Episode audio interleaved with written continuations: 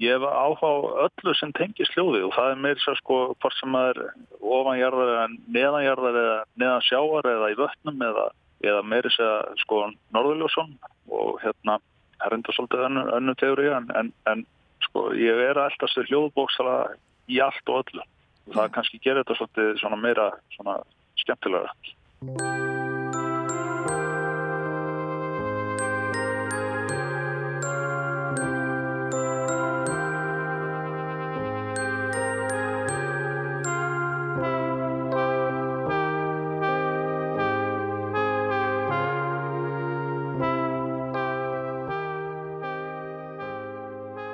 Hér heyrðum við í Magnúsi Bergsinni, rafvirkja og hljóð upptökumanni en honum kynist við betur síðar í þætti dagsins.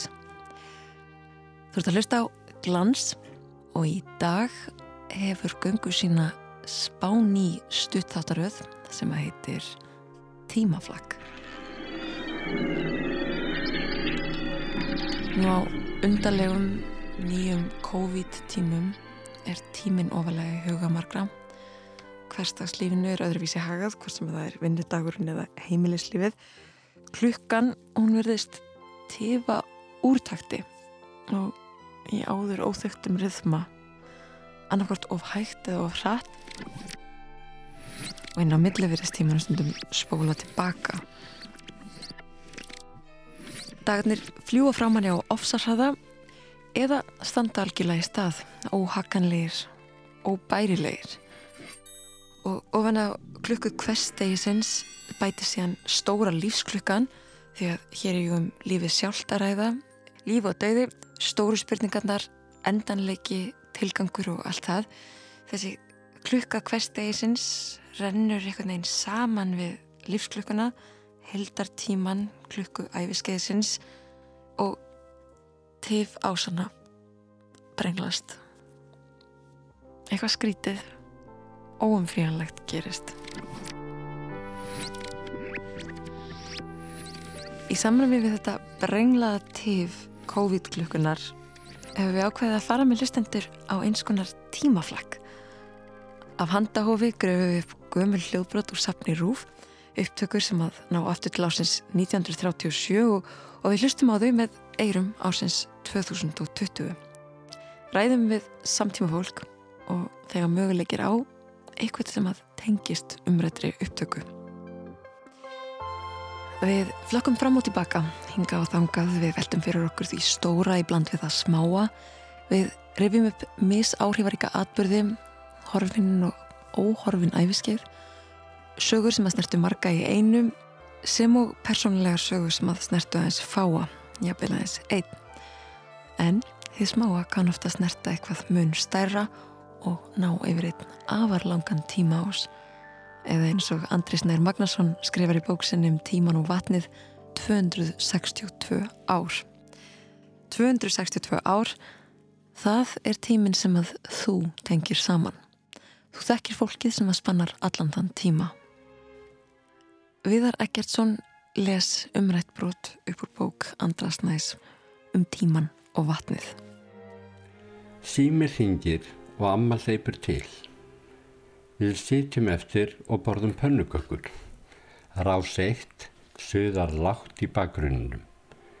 Ég byrð höldu Filipíu dóttu mína um að rekna dáliti fyrir mig. Hvað er langamaðinn gömul ef hún er pælt árið 1924? Hún er 94 ára, svarar hún strax. Fljóta rekna, segi ég. Já, ég vissi hvað hún er gömul, segir hún og glottir. En nú þarf þetta að rekna, hvaða ár verður þú 94 ára? Er það þá 2008 pluss 94? Já, einmitt. Hún tekur blað og penna og horfin manntrúið á blaðið. Hún sýnir með niðurstöðuna eins og það hljóta að vera miðstílingur. Árið 2102. Já, þá verður þú vonandi alveg að press og amma er núna. Kanski byrðum meira að segja í þessu húsi og kannski tímur tíu ára langömmu stelpan þín í heimsókn og situr hjá þér í þessu eldúsi árið 2102 alveg og þú situr hér núna. Já, kannski, segir Hulda og síbra mjölkuglassi. Prófum núna að rekna aftur hvenar verður langömmu stelpan þín 94 ára. Hulda skrifar útreikning á blad með smávegis aðstóð. Er hún þá fætt árið 2092? Já, það er rétt reknað. 2092 pluss 94 eru samanlagt 2186. Hún hlær við tilhúsinu. Já, ímyndaði þér. Þú kemur til með að þetta stelpu sem erður á lífi árið 2186. Hulda begla munnin og horfið sposk út í loftið. Má ég fara núna? Spyr hún. Rétt strax, segi ég. Ég er með eitt dæmi til viðbótar. Hvað er langu tími frá 1924 til 2186? Hulda reknar aftur. 262 ár. Ímyndaðu þér. 262 ár. Það er tíminn sem þú tengir saman. Þú þettir fólkið sem spannar allan þennan tíma. Tíminn þinn er tími einhvers sem þú þettir, elskar og mótar þig. Og tíminn þinn er líka tími einhvers sem þú mynd þettja og elska. Tíminn sem þú skapar. Þú getur snert 262 ár með berum höndum. Amma kennir þér, þú kennir þinni ömmu stelpu. Þú getur haft bein áhrif á framtíðina alveg til ásins 2186. 2186.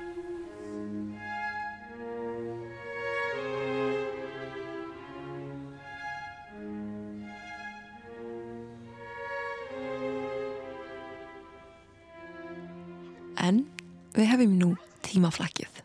And curiosity often leads to trouble.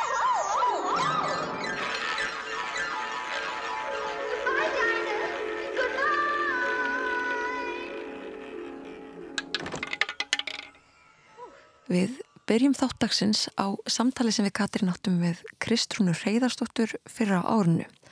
Þetta var þegar við unnum að gerð fyrstu þáttaraðar glans um ljósmyndir.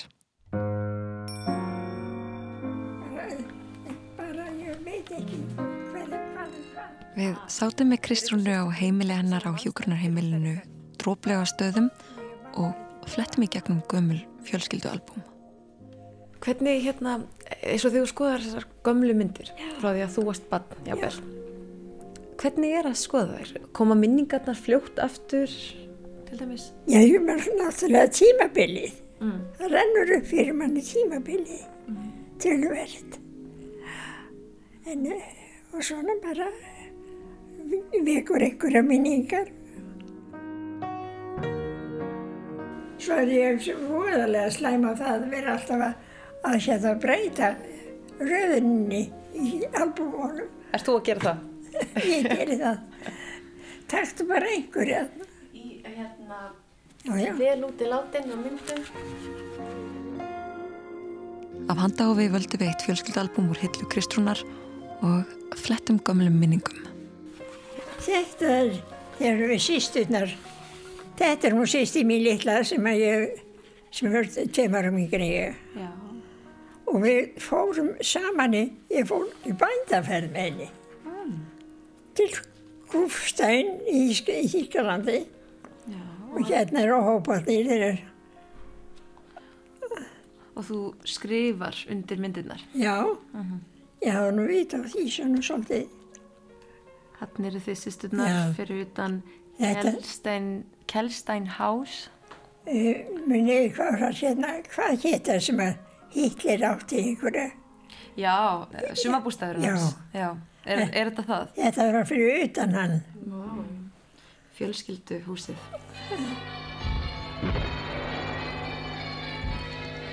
Það var þetta hér sem að varð kveikjan að frekar í eftirgrænslan okkar Katrinnar um viðfema og margslungna útvarfs samkistu Rúð Kjellstæn Hás öðru nafni Arnar Reyðrið 1. mæ 1945 Klukka 9.30 í kvöld flutti útvarpstöðin í Hamburg tilkynningu þess efnis að Hitler hefði látist þá um daginn síðdægis í kanslarahöllinni í Berlín.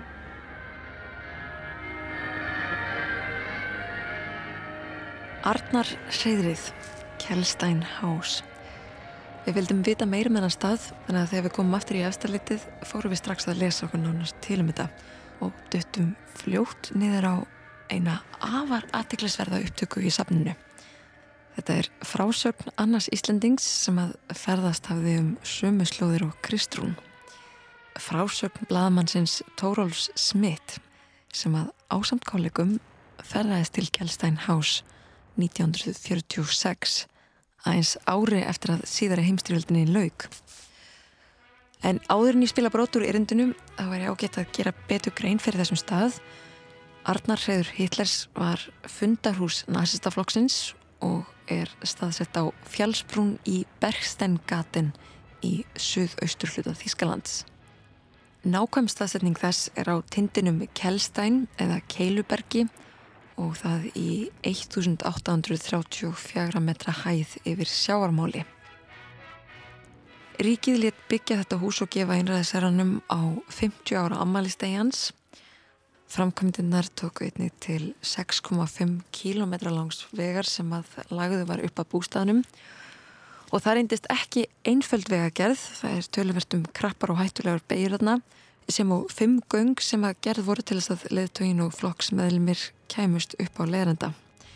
Skamt frá Kjellsteinhás voru síðan reist sumarhús og skrautísi hátsettra nazista, þar á meðal Berghoff fjölskyldusettur Hitlers sem kemur um eitt töluvert fyrir í heimavídjóum Efu Brán en það verðu þau daggóðum tíma þar á stríðsárunum. Árið 1945 gerðu breskar sprengiflugvilar loft árás og eittu flestum þessara bygginga. SS-menn kveiktu sjálfur í Berghoff áður en að þeir yfirgöfu bæin en Arnar hreðrið á toppi fjallsins það varðveitist sem og neðanjarðarbyrgi fóringjans. En þá að erindi Tórofs smitt. Ekki er vitað nákvæmlega hvernig það var flutt í útvarpinu en að öllum líkindum hefur það verið stöttu eftir hann kom heim úr ferðinni þarna 1946. Til að byrja með lýsist Tórólf landsvæðinu sem uh, já, eiginlega guðdómlegri sín. Hann talar um undursamlega klettahamra, dásamlega flóru blóma og plantna og snjóhýrar brekkur sem að menn skýða niður með gladvænlegan fyrringi í maga. En En í síðar árin hefur Þorsins þó ofta verið getið fyrir annað en íþróttir þar höfðu Hitler og flesti nazistafóringjarnir láta reysa sér dýrindis hús þar sem ekkert að tilsparað og frægast þeirra allra var að sjálfsögðu Berghof hús Hitlers og Arnar Hreðrisvonemda efst á fjálsnjúk fyrir ofan Bergtiskatin. Ótal frásagnir og myndir hafa byrst í flestum blöðum heims af Berghof og íbúin þess að gestu þeim er þangað kom og sumi nauðugir er binda þurfti enda á eitthvað mísrétti eða hljóðurinn þurfti að hafa verið sínt. Alkunnugur myndin er síndi Hitler og helstu geðinga hans sitjandi við borði í glæstum sál með geysistórum glugga er náði yfir nær allan vekkin en það hann gætt að lítaði því fegust og útsýni yfir dalin og fjöllin handan hans. Ekkert hafi verið tilspara til þess að gera þetta að einhverju glæsilegasta sveitasettri heimsins í einu ríkalegast og stórfengslegasta umhverfi sem til er í allra Evrópu. Og nú ætlum við, Íslandsku bladamennin, að fara að skoða þetta fyrðuverk eða réttar að sagt leifar þess því að vissum áður að það hefur verið lagt í rúst í styrjöldinni eða svo til.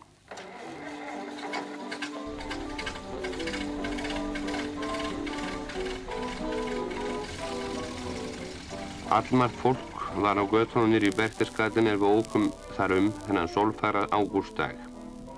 Karlmenn voru flesti klætti stuttum skinnbrókum hinnum fyrðulugustu flíkum sem suma hverja virtust hafa gengið að erðum, svo voru það slittnar og gljáandi en margar virtust gerðar af hennu mesta hagleik, útsömaður og brótiraðar af sannri list. Flestir horfa á okkur forveitnisaugum eða öllu heldur bifrið okkar en þær bifriðar fiskar sem enn sjást á vegum þar í landi eru flestar gamlar, úr sig gengnar en okkra vagn var nýr og af ofænurlega gerð í Þýskalandi. Fólkið hópaðist í kringu bifriðina, skoðað hann í krók og kring, skrafað og pískræði en ekki bara á neinum fjandskap en það kom það vart fyrir að þess ægist merki í för okkar. Lítill snarlegu stráknokki sem stóð þarna í þögunni vart sér að okkur og sagði á ennsku með annarlegum framburði You want to see Hitler's house, please?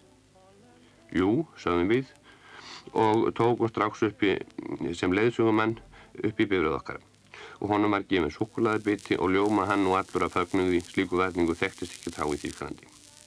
Svo var lagt upp í snarbrætt fjallið. Steinsteftur eða malbyggaður vegur liggur það upp í ótal krókum. Víða skingdi á útsýnið af snótrum bændabílum hínum sérkjænanlega og viðkunnana bæjerska eða týrólska stíl og skuggsælum trjám en rómardregur þinnist gróðurinn og hefði dyrlega útsýni opnast yfir dælinn. Húsinnir í Bertesgatin sínast loks eins og brúðuhús og bráttur um þau komin á leiðarenda. En Stráksi hefur látað okkur fara upp fyrir hér eh, fræga hús Hitlers og bendur á inganga jærðhísi miklu þar sem er mikið brak og spytnanusl og undna járnstengur og annað er fyrir dyrum hafi verið. Þetta er loftvarnabæki Hitler segir hans, you want to see. Þarna eru líka fleiri strákar fyrir sínilega þaulvanir leðsugumennum þess að frægu staði og uh, nokkru þeirra fara svo með okkur inn þessi undrugang. Það er kallt og saggasamt þegar einn kemur, en það göngu innur ótal þrep að manni finnst en strákarnir hafa blagt í kertaljós með sér og lýsa okkur annars veri vandrata þarna því að ímislegar afkymar virðast vera á alla vegum. Göngin munu vera á nokkur hundur metra laung og liggja allaði niður í hús Hitlers. Draugalegri byrtu slæðir á raka veggina, víður vatna á gólfinu en fjallir hafa verið lagðar yfir. Það fer hálfgerður kuldarhollur um mann þegar maður eldir þessa stráksnáða þarna inn í bjarginu 75 metra undir yfirborðiðarðar. Allt virði svo óraunverulegt þarna í hálfgerðin myrkrinu er flöklan í kertaljósni varpað döfum bjarma um þess að fyrðulega vistaverur þar sem Hitler og fólk hans hefur áður gengið um meðan sprengjuregnið dundi á fjallinu fyrir ofan. Littlu leðsugumennendun okkar láta móðan mása og leið okkar inn í ímisli herbyggi til begge handa. Þetta er herbyggi Hitlers, þetta er herbyggi Efu Brán, þarna var borstofa og svona halda þér áfram. Við reynum að finna eitthvað sem notast mætti við en finnum ekkert þarna er allt brotið og bramlað, allt sem áður kann að hafa verið þarna af innastóksmunum eða áhöldum er farið veg allra veraldar. Það er ekkert, bókstallega ekkert sem getur gefið hennar minnstu hugmyndum fólk það sem eins og hafist þarna við. En það er eftir mjög óbúr skiljanlegt. Allt nýtilegt hefur verið nömið á brott bæði af þúsundu þjóðurja sem sjálfsagt hafa komið þarna eftir hrunnarsins og af þúsundum hermana sem þarna hafa gengið um enda má sjá á veggjum áleitranir og krót þar sem hermenn af ýmsum þjóðum hafa greift nöfn sín eða upphafstæfi í veggina. Og loks örlaði fyrir ljósgleitu framundan. Strákarnir slökkan og, kertistúanum og við göngum út úr þessum drungalega helli út í blessa solkinnið og nú blasið við okkur útsýnið fagra og ljótar leifar stórhýðis Hitlers hál, segja strákarnir prófrið. Oft hefur maður séð þetta hús á myndum en nú er það svipur hjá sjón. Sprengjurna sem á það fjallu hafa sannarlega sett marksitt á það. Um allt liggja múrbrotin trjástúvar, undnir og skakkir hjálpbitar en húsið sjálft eins og fornfáleg rúst og gött í vekkjónum gína viðmann eins og tómar augnatóttir í, í hauskúpu. Hús Hitlers stendur í brekkunni. Príðilegi sveit komið með svölum og stjett fyrir framann. Það hefur verið stort, tvílift hús nokkur langt með rísi og kjallara. Þakkið er að mestur hrunið en allt er brunnið sem brunnið getur. Við göngum inn í það og notum og auðum vel. Á fyrstu hæð húsins er stór salur og fyrir enda hans geysistór gluggi er veit út af dalnum. Það er viðræðu salum frægi er ég gatum áðun. Það er ekkert, bókstala vekkert inn í. Ekki treflís, allt brunnið ekki tækla vegfóru eða neinu því sem áður hlýtur á að prýtt þessu húsækinni. Hálfrunin Arinn glápir bjánalega á mann á einu vegnum. Eitthvað hlýtur hafi gengið á þegar þetta fór í rúst, hugsaði mig sjálf um mér. Stíi mikill liggur upp á loftið, en það er reyngin þrepp. Þau hafa brunni upp til lagna, en í stað þess verður maður að feta sig með varúð upp bratta steinsteipubrekku. Strákarnir hafa ekki við að skýra fyrir manni hvar hafi verið Svernumbergi Hitlers, Svernumbergi Efu Brán, Borstofa, Engaseturstofa Hitlers og hvað það nú allt saman. Ég nefn staðum við dittnar á Svernumbergi Hitlers og skotra augunum í auðninu þar.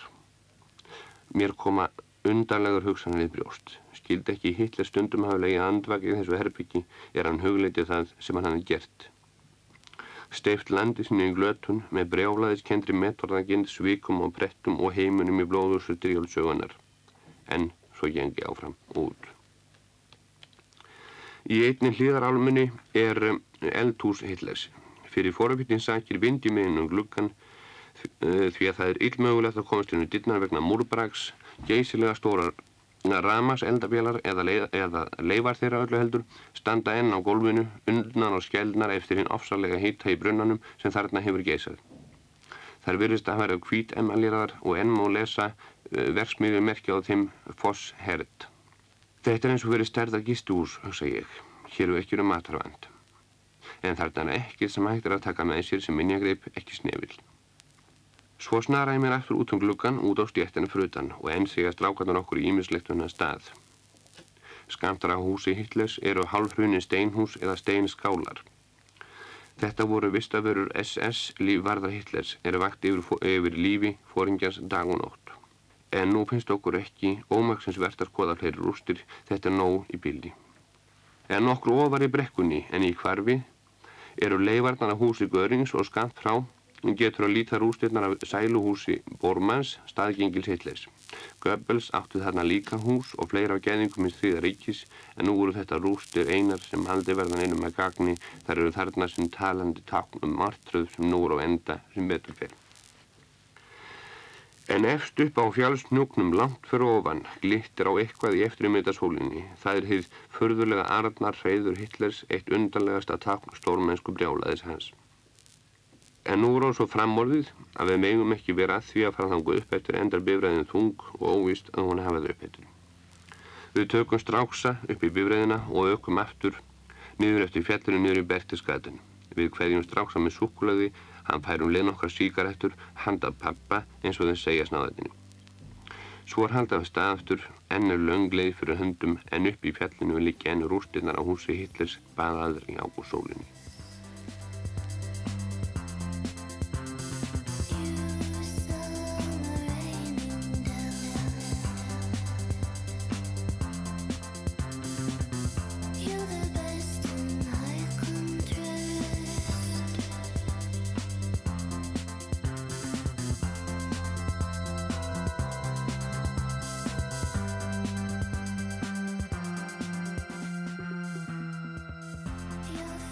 líkur persónulegri frásöp Tóról Smith af komu sinni í skrautísi nazista í Berstengaten þarna 1946 ári eftir að stríðinu laug og svæðið var lagt í rúst. Ég er ekki vissum að litir krakkar hoppi við bíl með okkunnu fólki enn í dag en þá voru vissilega aðrir tímar. Við Katrín hefum verið að skipta þáttaröðum á millokkar en við ringjum stundum á til þess að ræða efni nánar. Hæ. Hæ. Hvernig liggur á? Herðu, svona aðvelega vel líka. Hvað ert að gera? Um, ekki neitt, við vorum að klára borða, ekki gera neitt, en hérna, ég var að segja við yngvar svo, það er óþægilegt, nú er ég þín megin í þessu, þína mikið. er það óþægilegt? Það fannst þér ekki óþægilegt? Mm, jú, kannski smá en samt eitthvað svo eðlilegt að því þetta er þú og mér leiðis ég verið bara að tala um vinn. Jú, ég var aðeins með auðvitaður um mig, auðvitað, en Já. mér minnir samt að ég hafi einhvern veginn slakað á. Já, já, ég ætla að gera það líka. En, en ég er náttúrulega að taka upp núna veistu það? Já og, og er það í lægi? Já, já, algjörlega. Algjörlega. Þú erstu búin að segja eitthvað nafn sem að hlustendu þekk ekkert. Yngvar mm, mm -hmm. má það vita að þú ætti kærasta? Og yngvar þá kærastuðin Já, allra hafa þetta með? Já. Ok. Bara það er lægi Já, algjörlega. Ok Sko, ég ringdi þig til þess Mhm. að um, tala um þetta hljóðbrot sem við hlustuðum á fyrir nokkur mánuðum síðan. Þetta var frásöp Tórólf Smith Mhm. af ferð hans upp í Arnarhreðrið og Berghoff og um, ég veit í rauninni ekki hvað mér langar að ræða við þig nákvæmlega en uh, ég man bara að þetta hafði svo mikil áhrif á okkur. Manst þú hvaða áhrif þetta hafði á þig? Uh, nei, ég held að ég sé ekki alveg ennþá búin að átta mig á því hvaða áhrif þetta hafði og af hverju. En ég má bara að, þú veist, við töluðum mjög mikið um þetta og einhvern veginn þetta satt í manni í bara marga dagar ef ekki vikur. Já, hvað er það einmitt? Sko, ein hlið af því fyrir mig er, e, það, mér er alltaf svo áhugavert að bara heyra eitthvað svo gamalt að þetta er Mhm. frá 1946 en, Mhm. en svo er það bara eitthvað í þessum skrifum hans og, og þessari frásögn. Já, ég er mjög samlega, ég einmitt, skil, ekki, ég skil ekki alveg svona töfrana en uh, það er einmitt eitthvað dæmis frásagna stílinn. Hann er frábröðin, uh, bara hvernig við myndum skrifa og hvernig við erum til dæmis að gera okkar útastætti. Og þetta er, þú veist, texti sem er lesin upp sem útastættur Mm -hmm. og einhvern veginn bara hvernig tímanir hvað geta breyst mikið á þannig sé skömmum tíma eins og hvernig við tala um hennan litla strák hvernig við upplöfum emningamönin Já, einmitt. Og þau upplöfa tímana. Svona, hann er góður í því að setja eigin personu í frásögnuna og lýsa henni voða myndrænt. uh Já, þetta er, einmitt, þetta er rosa myndrið Já, það fyrir nú segir það en hann nær einhvern veginn að setja maður bara á hvernig staðurinn leit út og við erum svo sem búin að skoða þessum einmitt. E eitt, Katrín, sko, það heyrist voða ill í þér. Er, er, getur verið að sé... Við byggjumst afsökunar á lélögu hljóði. Þessu símtöl verðast svolítið misgóð. Mm, Ég hugsa að það sé bara sími minn og ég lá upp í rúmi. Ég ætla að prófa að vera enna í hjá sófanum, sjá hvort það sé betra.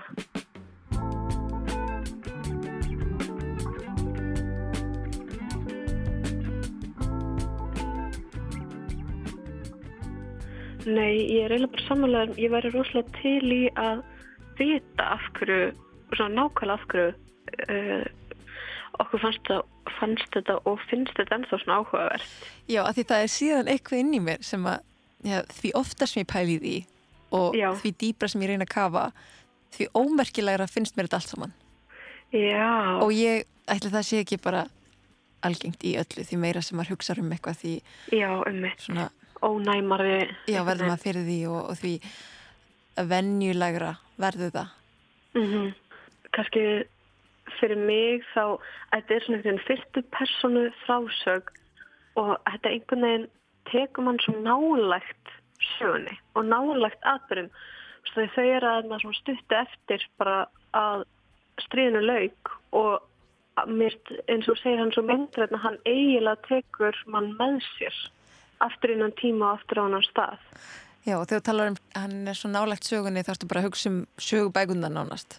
Við fáum Já, að já. lesa eitthvað á Wikipedia eða við fáum að lesa eitthvað í þessum bókum frá þessum tíma en það er ekki eins og að heyra í mannesku sem að steig inn í sögubókina þá. Já, já. Og þú veist, oft er maður að lesa þessar sögubækur svona, það er kannski svona þurft og svona og.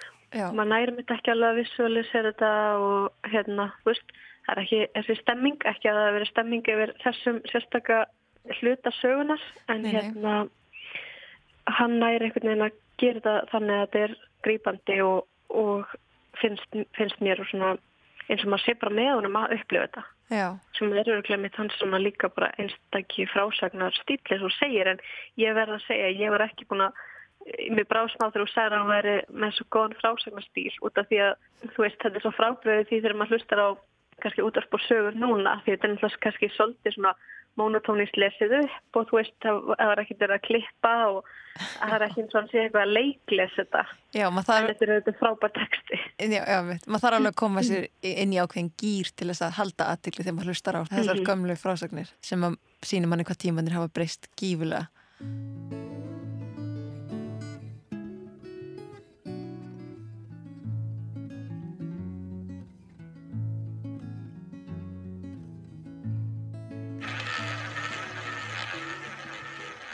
Heyrum við rúllettu hljóði og þá er komið að næsta hljóðbroti sem við gröfum upp úr fjarsjáskistu Rúfsapsens.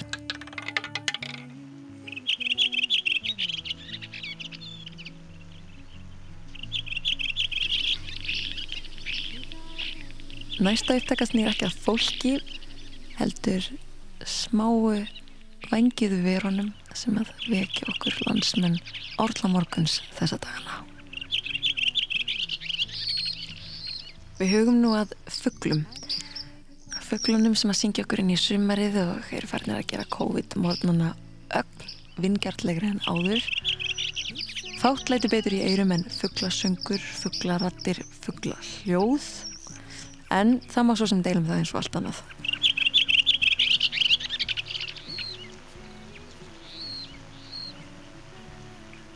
Ég hygg að allir séu mér sammála að ekkert tekur þessu fram nema veruleikin sjálfur.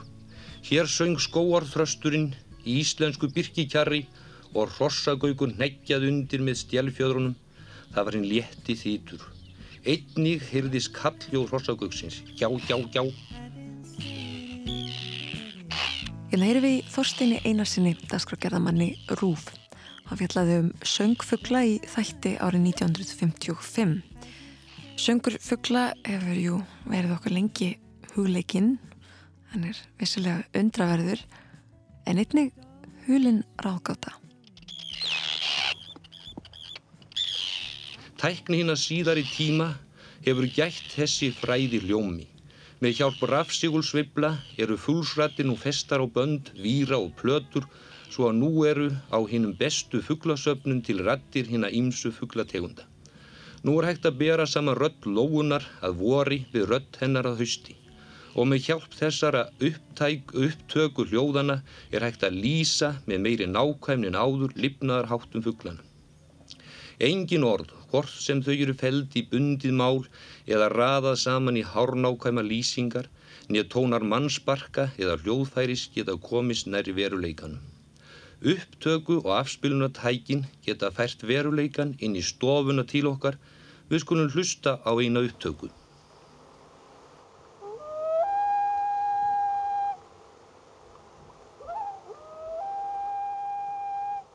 Þessa rött hafa margir európeiski náttúruskoðarar þráð að heyra. Meðal þeirra var sá maður sem mannaðist upptöku allra, allra þeirra hljóða sem við nú höfum heyrt. Sumra 1953 kom hinga Ludvík Koch. Yfir magnara vörður ríkisútvarfsins Dagfinnur Sveinbjörnsson dvaldi fyrra á því ári í bækistöðum Breska útvarfsins og var þá beðin að greiða götu þessa manns. En á vegum Breska útvarfsins hefur mikið verið gert að því að taka upp fullsrattir og hefur Ludvík Koch komið þar mjög við sögu. Ludvík Koch er þýskur gýðingur sem hefur sestað á Englandi. Snemma fjekst hann við upptöku ímsra dýraljóða og er þekktur meðal dýrafræðinga fyrir þar upptökur. Með hjálp góðra manna og fyrir þólinnmæði og nákvæmni hans sjálfs hefur hann með náð því að verða einn snjallast upptökumadur fullsratta á Englandi.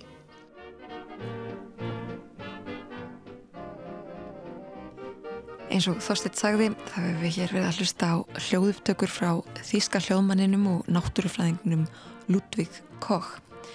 Eftir frekari eftirgrænslan las ég að Koch var ekki aðeins snjall upptökumæður heldur fyrstur manna til þess að taka upp hljóð fugglana.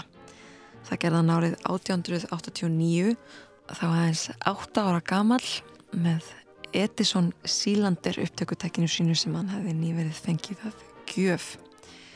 Hann tók upp tal indverska sjámafuglsins í dýragarði í Frankfurt. Skulum hlýða á þessu upptöku.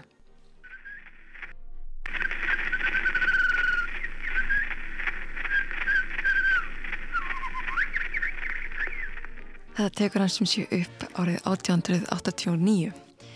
En upp frá þeim tíma hófst ævilangur ferill á sviði náttúrulífsljóð upptakna og rannsókna Aðal áherslan var ávallt á hljóð fugglanna sem hann vann markvist í að gefa út á plötum eða miðla til almennings í náttúrlífstáttum hjá Breska ríkisúttorpinu. You have first of all to watch your bird in its natural surroundings, sometimes for days on end, before arranging your apparatus, Það er talað um hann sem forvera Davids Attenborough því líkt á sá síðanemdi þá bætti karakter Cox hans þíski reymur og rödd töluverðum litbreyðum við dasgrakjaðina. Eins og Þorsteit sagði hér áðan þá var hann þýskur geðingur og sem slíkur neytist hann til þess að flýja heimalandsitt á tímum síðari heimstyrjaldarinnar. Í æfiminningum sínum frá 1955, bók sem hann hefnist Memoirs of a Birdman, sem hann mætti því að sem minningar fugglamannsins, þar segir hann frá því hvernig nazistarnir eigðilögðu fjöldan allan af fugglasangs upptökum eftir hann flúði land, upptökur sem að voru hann um eðlilega mjög kærkomnar. Hann skrifar Þetta voru allt vaks sílandir upptökur eða vaks diskar Þannig var að finna skráningu á hljóði nær 50 fuggla sem að ég tók upp á órunum 1927 til 1932. Að yfirlóðu ráði var þetta og einstakt sapmitt af grammafónflutum eðilagt að nazistum. Koch kom sér fyrir í Breitlandi og ekki leið á löngu þar til hann gaf út íkoníska plötu sem að er til dagsins í dag talin hans þekktasta. Hún kallast Songs of Wild Birds og kom út 1936. Þessi plata er aðeins meira en bara plata. Þetta er nefnilega hljóðbók en ekki hljóðbókin sem við þekkjum í dag, þessi rafræna hljóðbók. Þetta er þessi físikal hljóðbók sem að um, er einhvers konar samsöða grammofónplötu og myndskreittar bókar og þessi er eðlilega myndskreitt af föglum. Þetta er talin vera fyrsta hljóðbókin og Koch því talin hafa fundið upp þess hátar hljóðbækur. Þetta er náttúrulega stórmerkileg uppfinning og ég reynilega skil ekki hvers vegna við sjáum ekki fleiri svona bækur hvers vegna þetta verðist likja í dvala. En Ludvig Koch hann kom til Íslands árið 1953 Þetta var hans síðasta stóra vettvangsverð og var tilgangur hennar að hljóðrita væl himbrimans.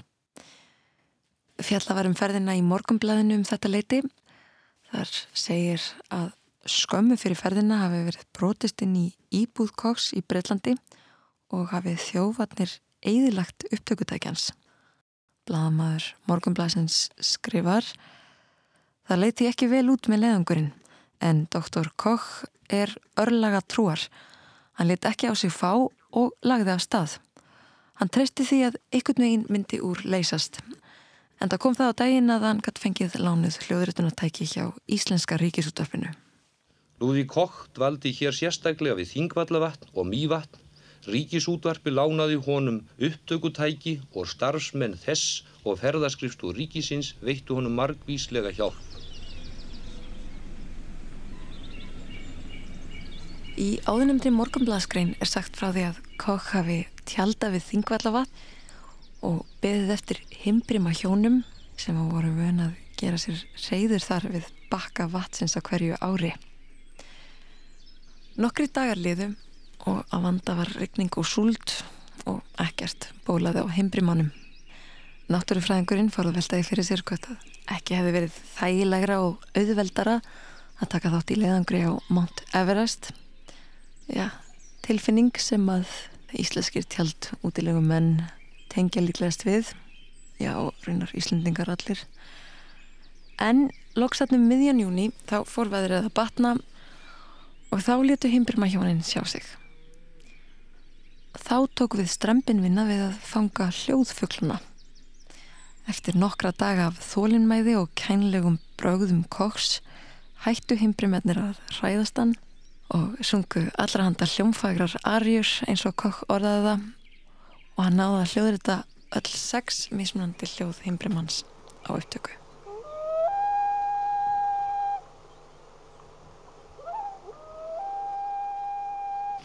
Upptökur þær sem hann framkvæmdi hér hafi verið fluttar í breska og franska útvarpinu en útvarstöðar þessar að þjóða gera nokkuð að því að kynna fuggla og gera þær kynningar raunverulegri með því að láta fugglana tala sínu eigin máli.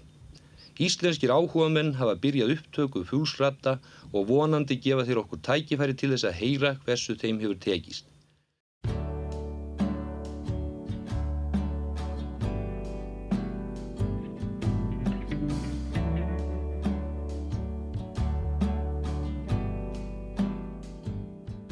Ég hafði upp á manni sem að stundar að taka upp fugglasöng núna í okkar samtíma. Ég heiti Magnús Bergson, er afverki og uh, svona hljóðmaður í, svona í áhuga málum. Og hvenar byrjaðu að, að taka upp hljóð? Það er kannski, ég hlæðis ekki alveg frá því að ég var 13 ára gammal, þá fikk ég við mitt fyrsta kassuttæki og þetta er svona þróa svona bara með, með tækninni í rauninni og, getunni til þess að, að, að ná það sem maður þarf að ná í. Og þú hefur verið að taka upp fugglahljóð. Já. Hvenar byrjaði það? Það var svona líklega svona síðasta árat og síðasta aldar. Og áttu upptökur frá þessum tímasamt af, af fugglum? Já, já, ég, ég á þá, ég, ég svona bara í gamna minu gaf út tvo diska þá sko sem ég skrifaði bara þá og svona, já þá var enda svona aldamótin sem ég skrifaði þá og seldi eða gaf. Þetta hefur þá verið meirinn áhuga mál, þetta hefur verið ástríða?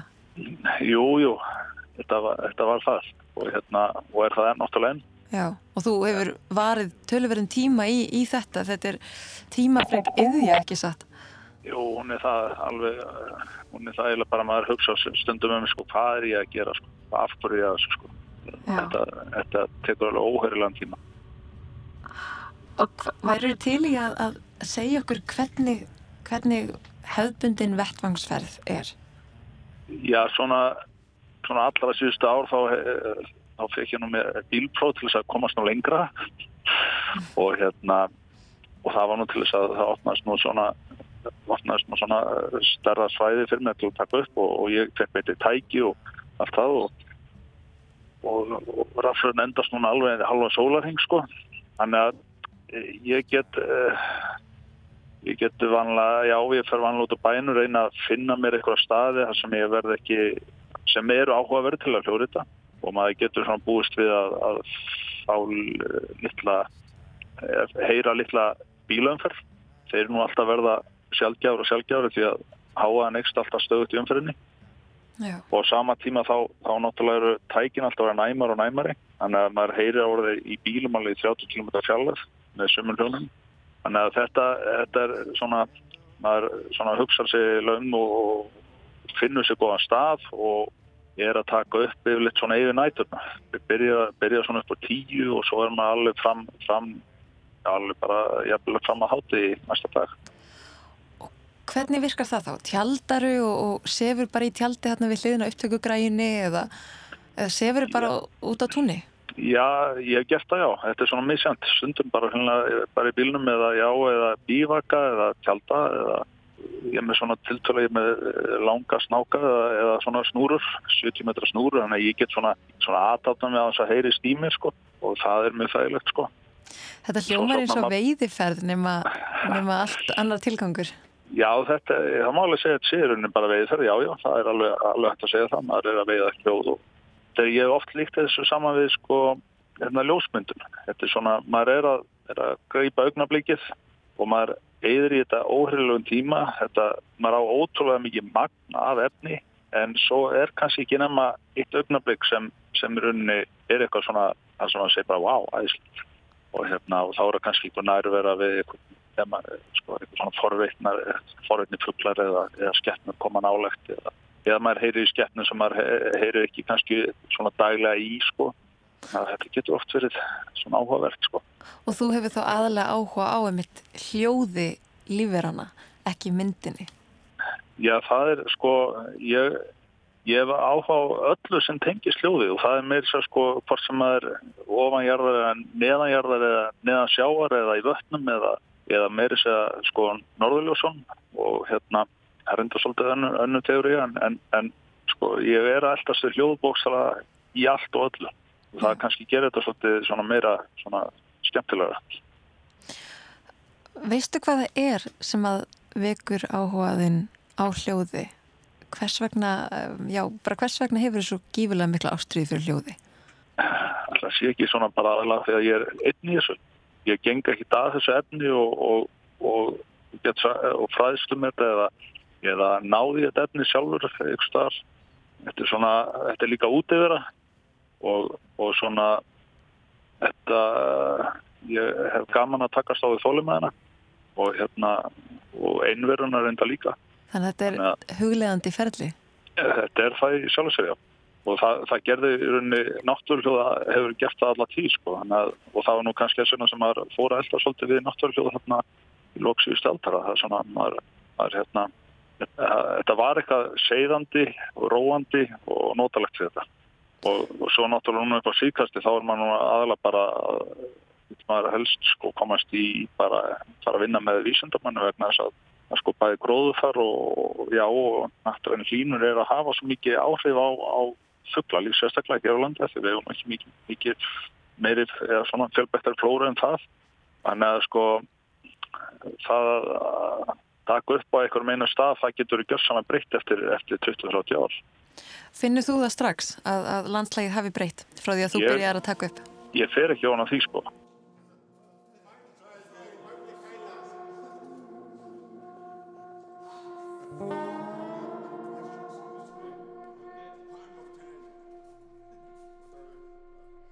Hér heyrum við upptöku hans af rjúpum.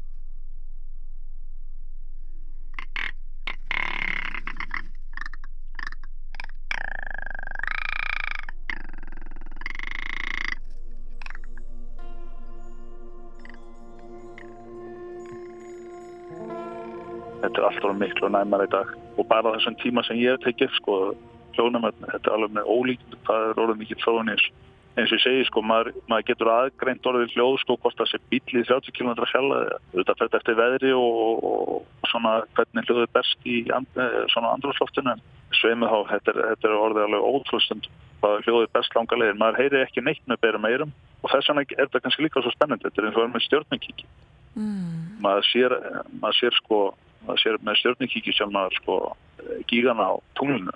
En maður sér það ekki með mögum en þetta gerir maður með hljónum í dag sko. Ef eru orðin söðleitlir og tækjun orðin söðlítil og góð gæði og maður heyrir alveg sko bara hljóðvistina á gríðala stóru sæði kannski ég er státtur í borgarferði og ég, mér finnst ég heyra bókstala allt borgar nessi, ég heyri bílum koma nefnur holdur og heyri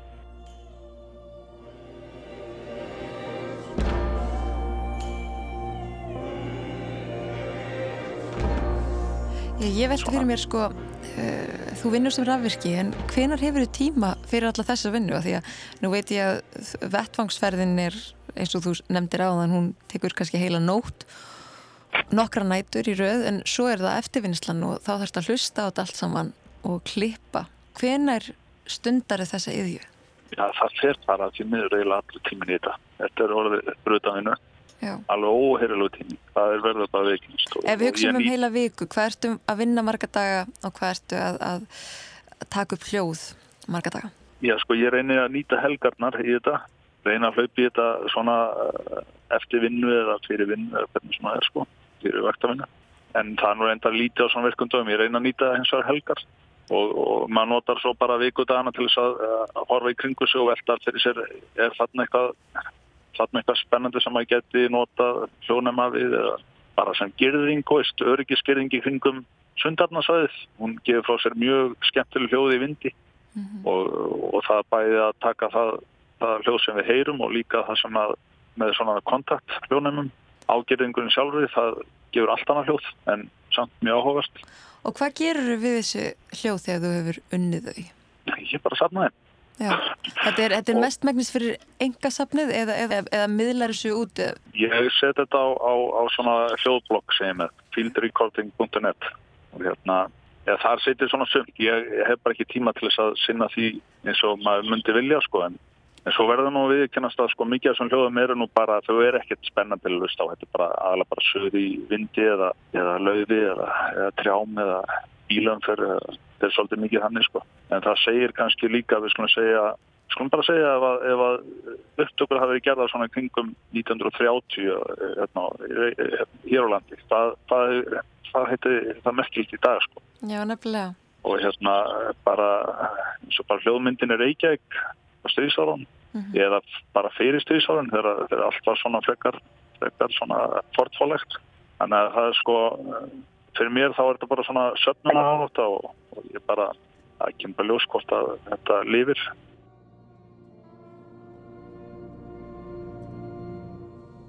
Hvernig upplifið þú fuggla eftir að hafa hlustað á þá, syngja og tala saman núna í mörga ár? Hvernig greinir þú þessar verur? Hvernig samskipti finnst þér vera eiga? Já, ég ekkert bara sé þetta ekkert bara fyrir mér að, að lífið allt er náttúrulega bara svona það er alla, alla sín svona, ég get sagt, okkar lífrænu skildur alla lífurur hafa eitthvað, hafa eitthvað tilgang. Þannig sé þetta nú bara aðalega fyrir mér. Þetta er nú bara allir hafa sitt brauðstritt það er alveg saman með fuggla og menn og þessi mismöndi mm -hmm. það eru allir hluti af sömu keðjunni í lífríkinu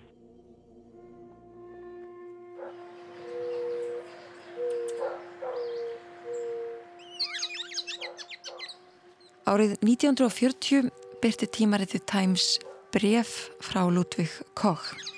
Það lýsir hann því af mikilli ástríðu hvernig viltir svartrestir fara að því að herma eftir söngli spæta.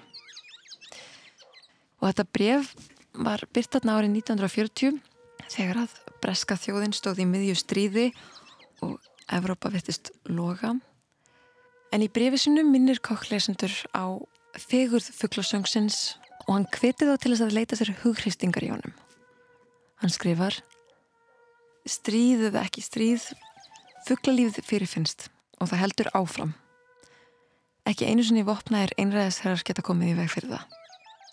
Ég vil ráðleika öllum sem er í stakkbúinu til þess að slaka á taugum og hlýða á söng bresku fugglana sem var nú er svo fagur.